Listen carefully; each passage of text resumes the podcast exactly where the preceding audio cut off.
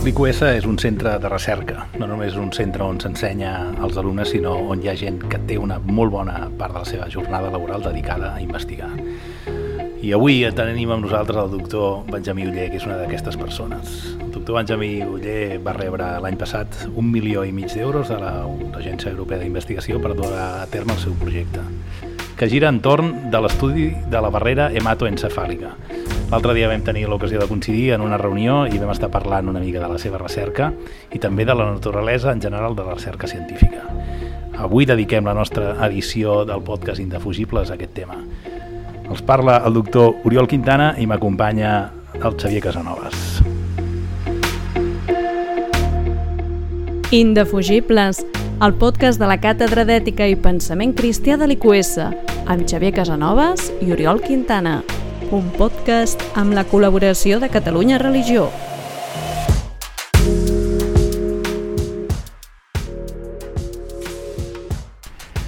Doctor Benjamí Uller, gràcies per acceptar estar amb nosaltres. Eh, gràcies a vosaltres per convidar-me. Bueno, explica'ns en primer lloc què és la barrera hematoencefàlica. Doncs la barrera hematoencefàlica mm, és una barrera fisiològica i física que separa la sang del cervell. I aleshores és una barrera que permet que el cervell eh, funcioni normalment, eh, protegint les neurones, bàsicament, les altres cèl·lules que formen eh, la massa cerebral, però al mateix temps evita que els fàrmacs eh, hi puguin accedir en quantitats suficients. Però aleshores és una barrera física i química, has dit. Vull dir, hi ha, hi ha com una espècie de tel a, a les venes i a les, als vasos sanguinis que van al cervell? Hi ha una espècie de barrera física allà o és més una espècie de protecció del sistema immunitari que hi ha extra en el cervell? No, no, de, de fet, és, uh, les són les mateixes cèl·lules que formen les parets dels, capil·lar, dels capil·lars del cervell um, que um, estableixen unes unions estretes uh, formades per molècules que són proteïnes um, i que eviten que les molècules uh, que estan a la sang puguin uh, passar entre les cèl·lules. O sigui, aquest tipus d'unions estretes no estan en els capil·lars de la resta del cos, diguéssim. Però sí que és una protecció extra que té el cervell, diguéssim, com sent l'òrgan jeràrquic més important, potser. No? Evolució, evolutivament hem, hem creat aquesta... I, I dels més delicats, dels que tenen cèl·lules doncs, que han de tenir un ambient més controlat, diguéssim. Sí. Bueno, aleshores ja està. Jo crec que amb això ja està tot dit. O sigui, la teva recerca és veure com ens carreguem la barrera hematoencefàlica. És així? No, explica-ho tu. Explica tu. Home, no, és veure, al, al, al contrari, de fet, eh, és veure com la podem creuar sense fer-la malbé. O sigui, actualment, eh, per administrar fàrmacs als cervells, o bé s'injecta directament eh, en el cervell, en la massa cerebral, eh, i s'espera que es difongui a través dels líquids cefalorraquidi, etc. Um, un moment, o... aquí paro. O sigui, agafar una agulla, travessar el crani i enxufar allà directament. Efectivament, això és una de les maneres que se... o intratacal, no? també la columna, etc.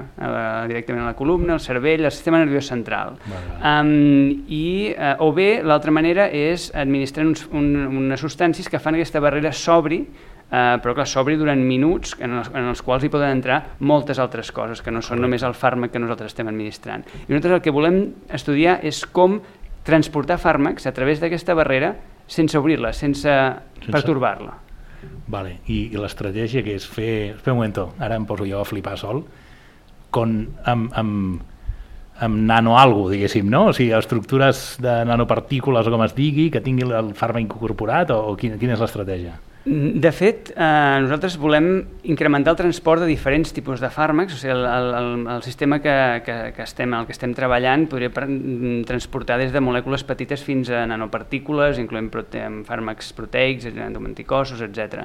Um, però bàsicament el que nosaltres utilitzem són els sistemes de transport propi d'aquesta barrera, perquè aquesta barrera, òbviament, hi han de, de, s'hi han de transportar els nutrients que permeten que el cervell funcioni normalment.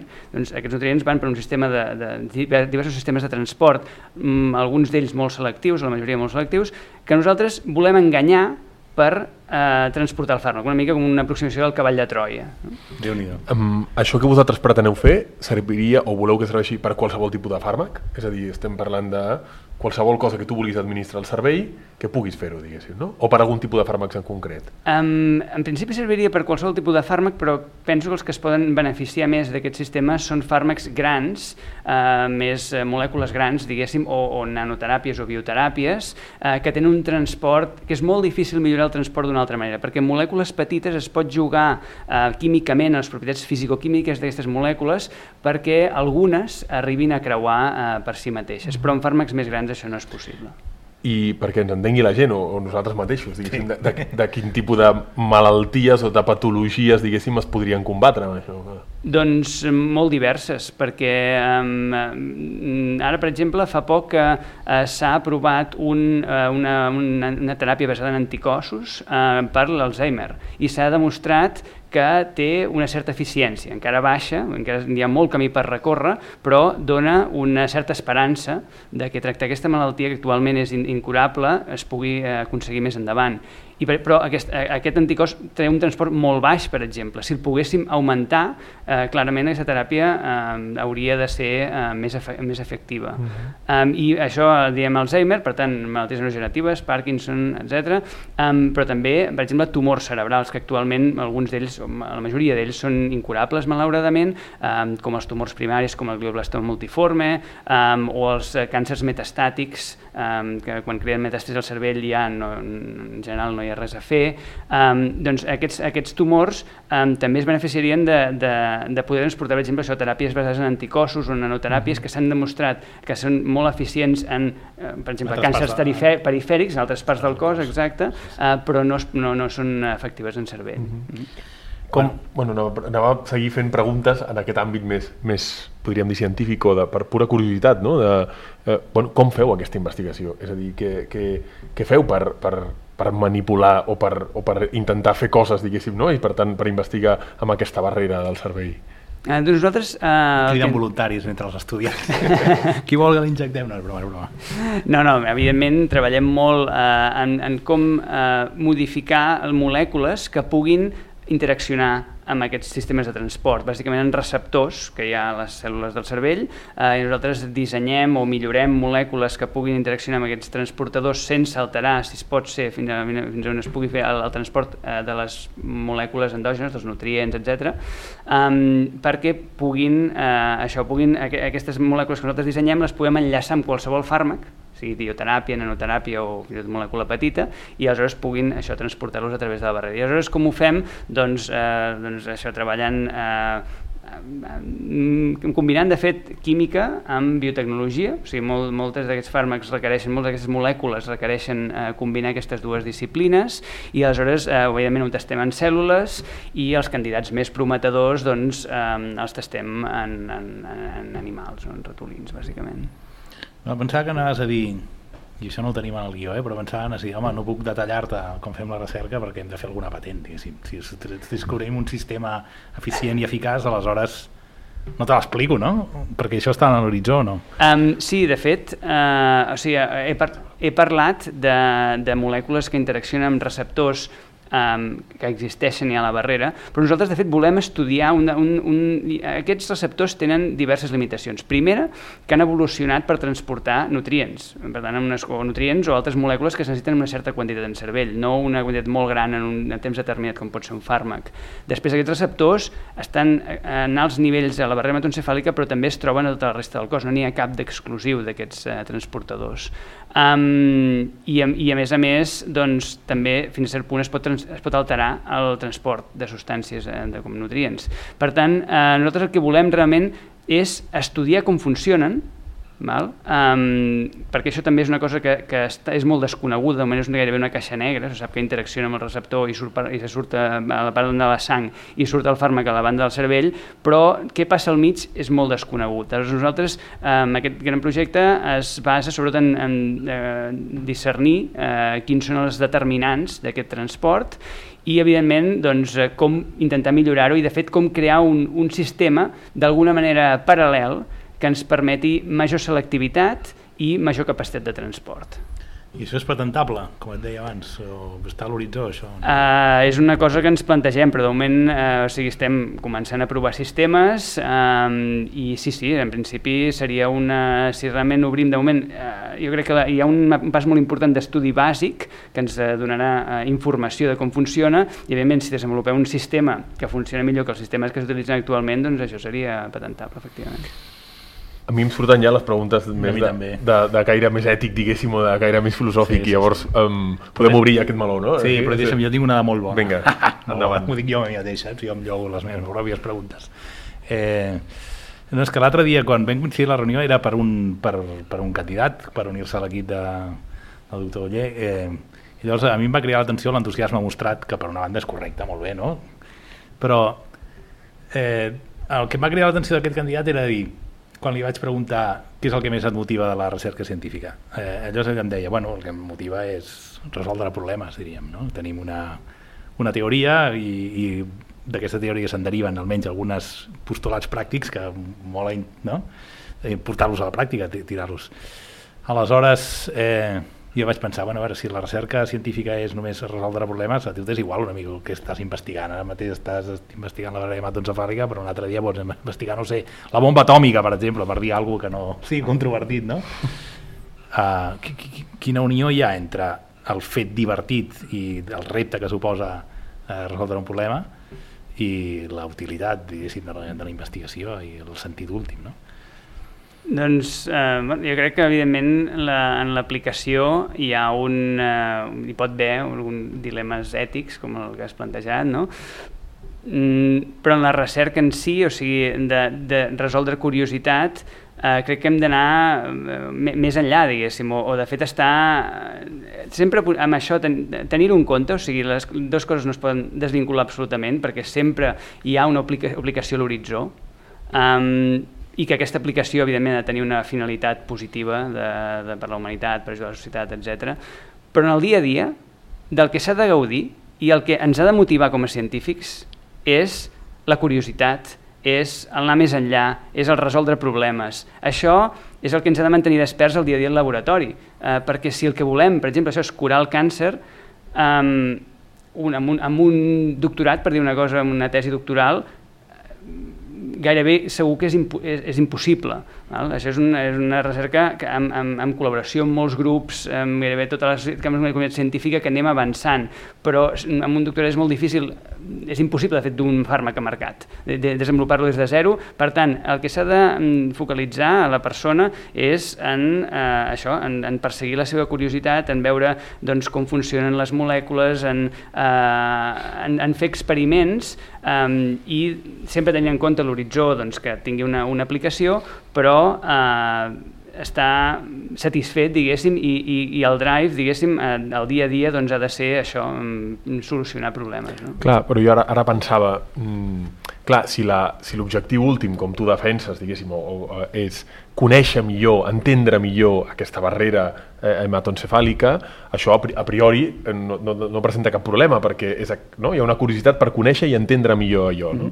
Però clar, eh, doncs jo puc tenir, per exemple, la curiositat de conèixer millor un autor medieval molt interessant que, que, també, que, que, bueno, que també és legítim perquè forma part d'aquesta curiositat del voler saber més, del voler anar més enllà, però resulta que a mi la Unió Europea no em finançarà amb molts diners aquest tipus d'investigació, en canvi la teva sí, no? perquè és evident que té unes conseqüències pràctiques molt elevades. La meva pregunta és la següent, quan tu presentes aquest projecte a la Unió Europea o quan tu intentes defensar això, no?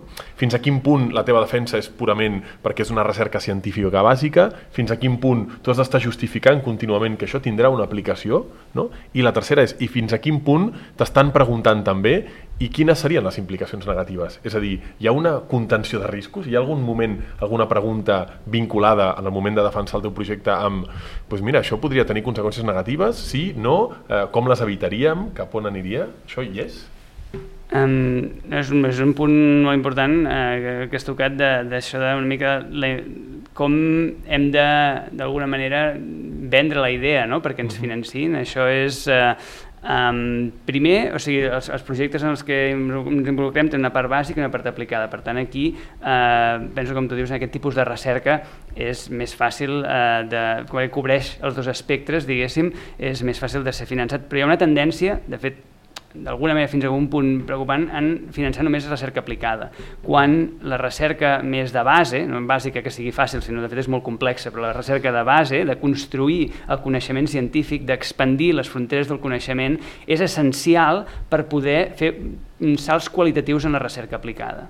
Si no, sempre estaríem fent eh, salts incre incrementals. I, I el que vols dir és que és més difícil de finançar aquest tipus de recerca. És més difícil finançar la recerca bàsica, um, que evidentment sempre uh, es pot vincular d'alguna manera que més enllà, no, que tindrà una aplicació més enllà, que potser és diferent, potser l'aplicació es, es transforma en el camí i això de vegades és, és, és bo i de vegades pot ser negatiu, no? com en casos que mencionava l'Oriol abans, uh, no? de, de l'energia nuclear, no? que té una aplicació doncs, uh, molt clara positiva, però també una, unes conseqüències eh, um, molt negatives. En el cas del, del, de, de um, incrementar, estudiar la barrera metoncefàlica, mm, jo veig una, sobretot una, un avantatge positiva que és incrementar el transport de fàrmacs al cervell. No? Um, és veritat que les potser les agències de finançament mm, no, no, no es preocupen en aquest, es preocupen de moltes coses, de l'ètica, de, de sobretot no, que els procediments amb, amb animals, etc o amb humans si fos el cas, però no és el nostre, eh, doncs estiguin ben planejats i tinguin les aprovacions, eh, però és veritat que en, la, en les potencials aplicacions eh, no, no, no s'hi posen tant. Sí, o sigui... Però això a mi, a mi la, la crítica que jo faig eh, modestament és molt aquesta, eh? és a dir, això no és molt diferent de que la societat, en aquest cas encarregat per la Unió Europea i el milió i mig d'euros, et dona una mica de carta blanca perquè, perquè tiris endavant i facis avançar la ciència. I després ja veurem què passa, no?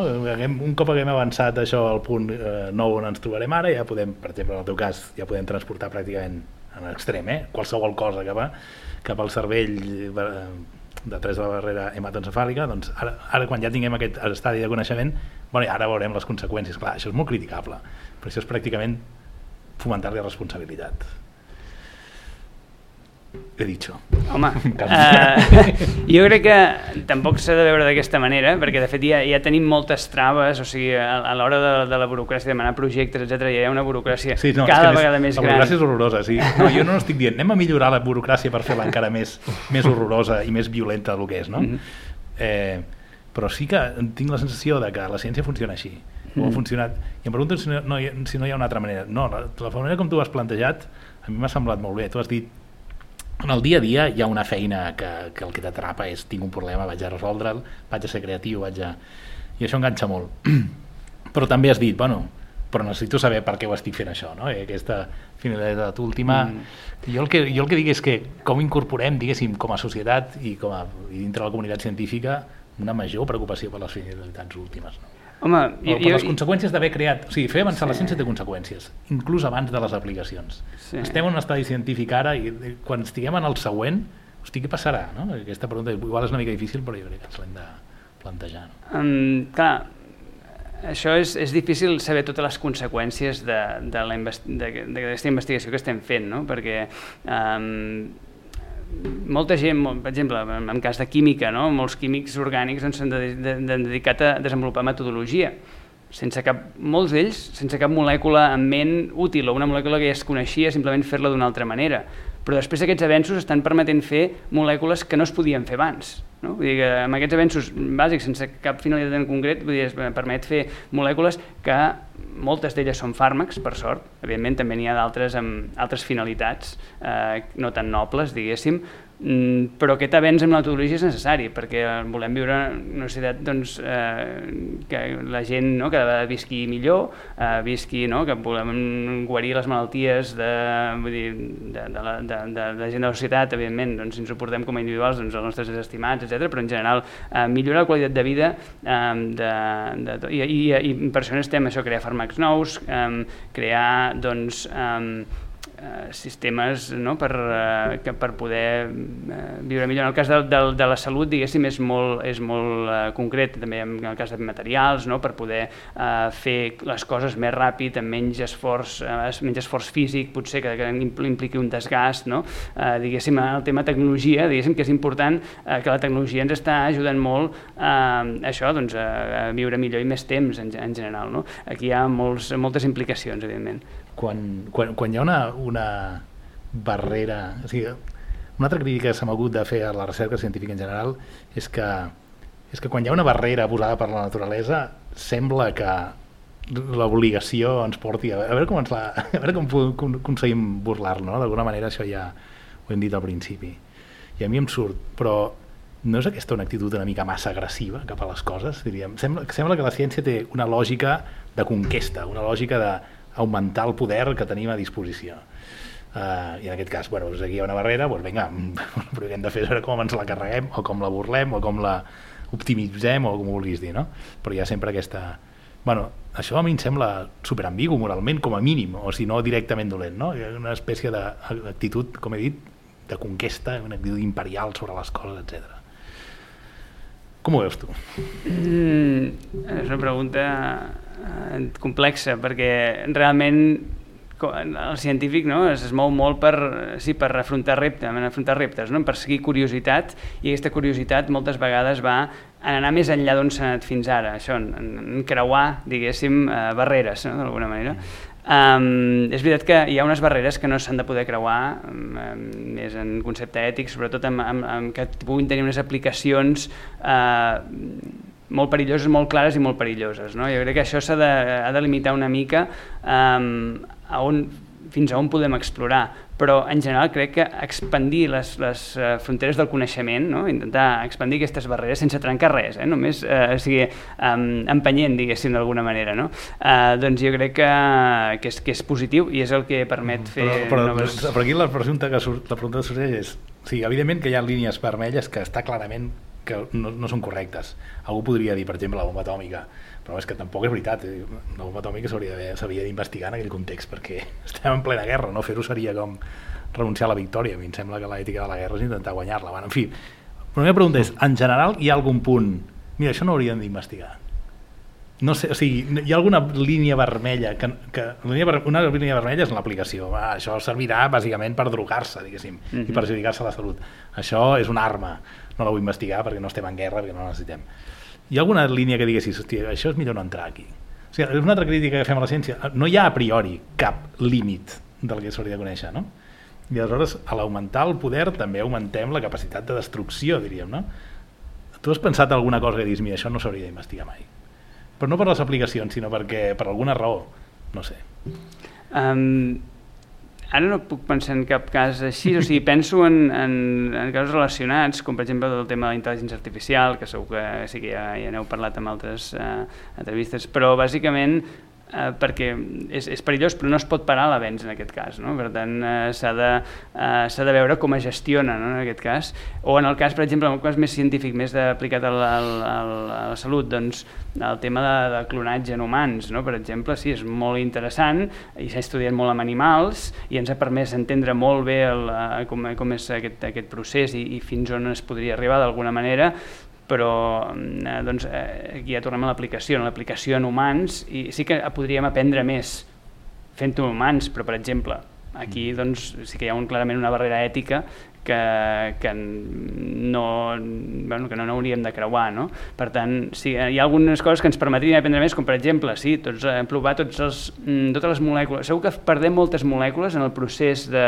de millorar-les perquè no les arribem a provar en humans Sí, clar, si les poguéssim provar amb humans, eh, trobaríem molts més fàrmacs nous, moltes més, entendríem molt millor com funciona el nostre sistema, però, evidentment, no es pot fer. Eh, doncs sí que hi ha límits, no? És, sí. No, jo estava, bueno, no, és una reflexió que ja estava fent jo sol, diguéssim, no? més enllà de, de l'entrevista, no? que en el teu cas concret, això que estàvem parlant ara, no? de la, és, és molt evident que s'està intentant de superar una barrera natural, diguéssim. No? Això no només anem avançant la investigació, sinó que realment aquí hi ha una barrera natural i per alguna raó, diguéssim, no? eh, que, que pot ser orgànica, pues, arribat a produir aquesta barrera, eh, bueno, no? és com difícil de saber quines són les conseqüències que tindrà el fet de superar aquesta barrera. No?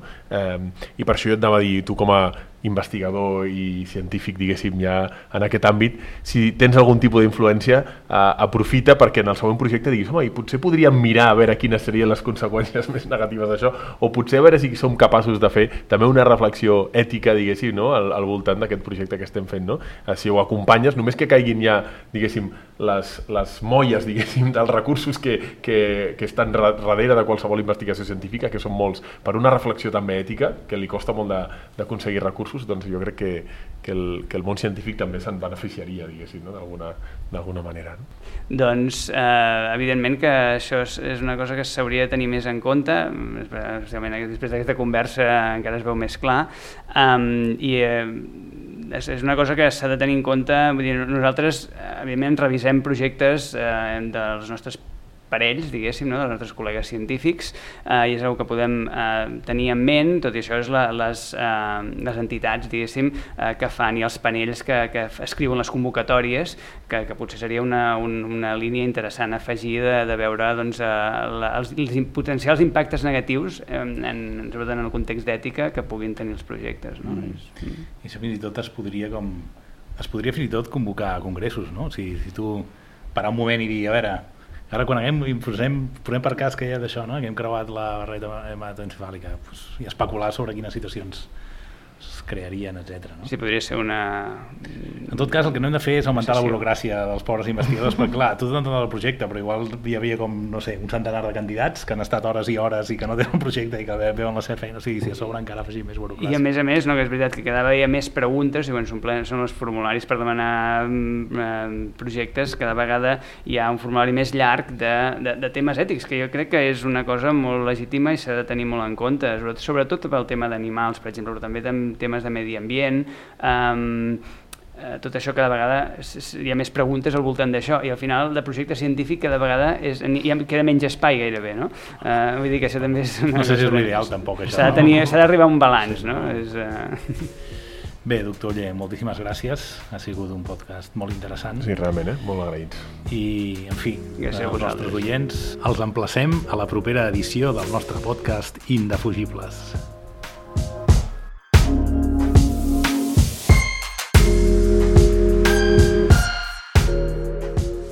Catalunya Religió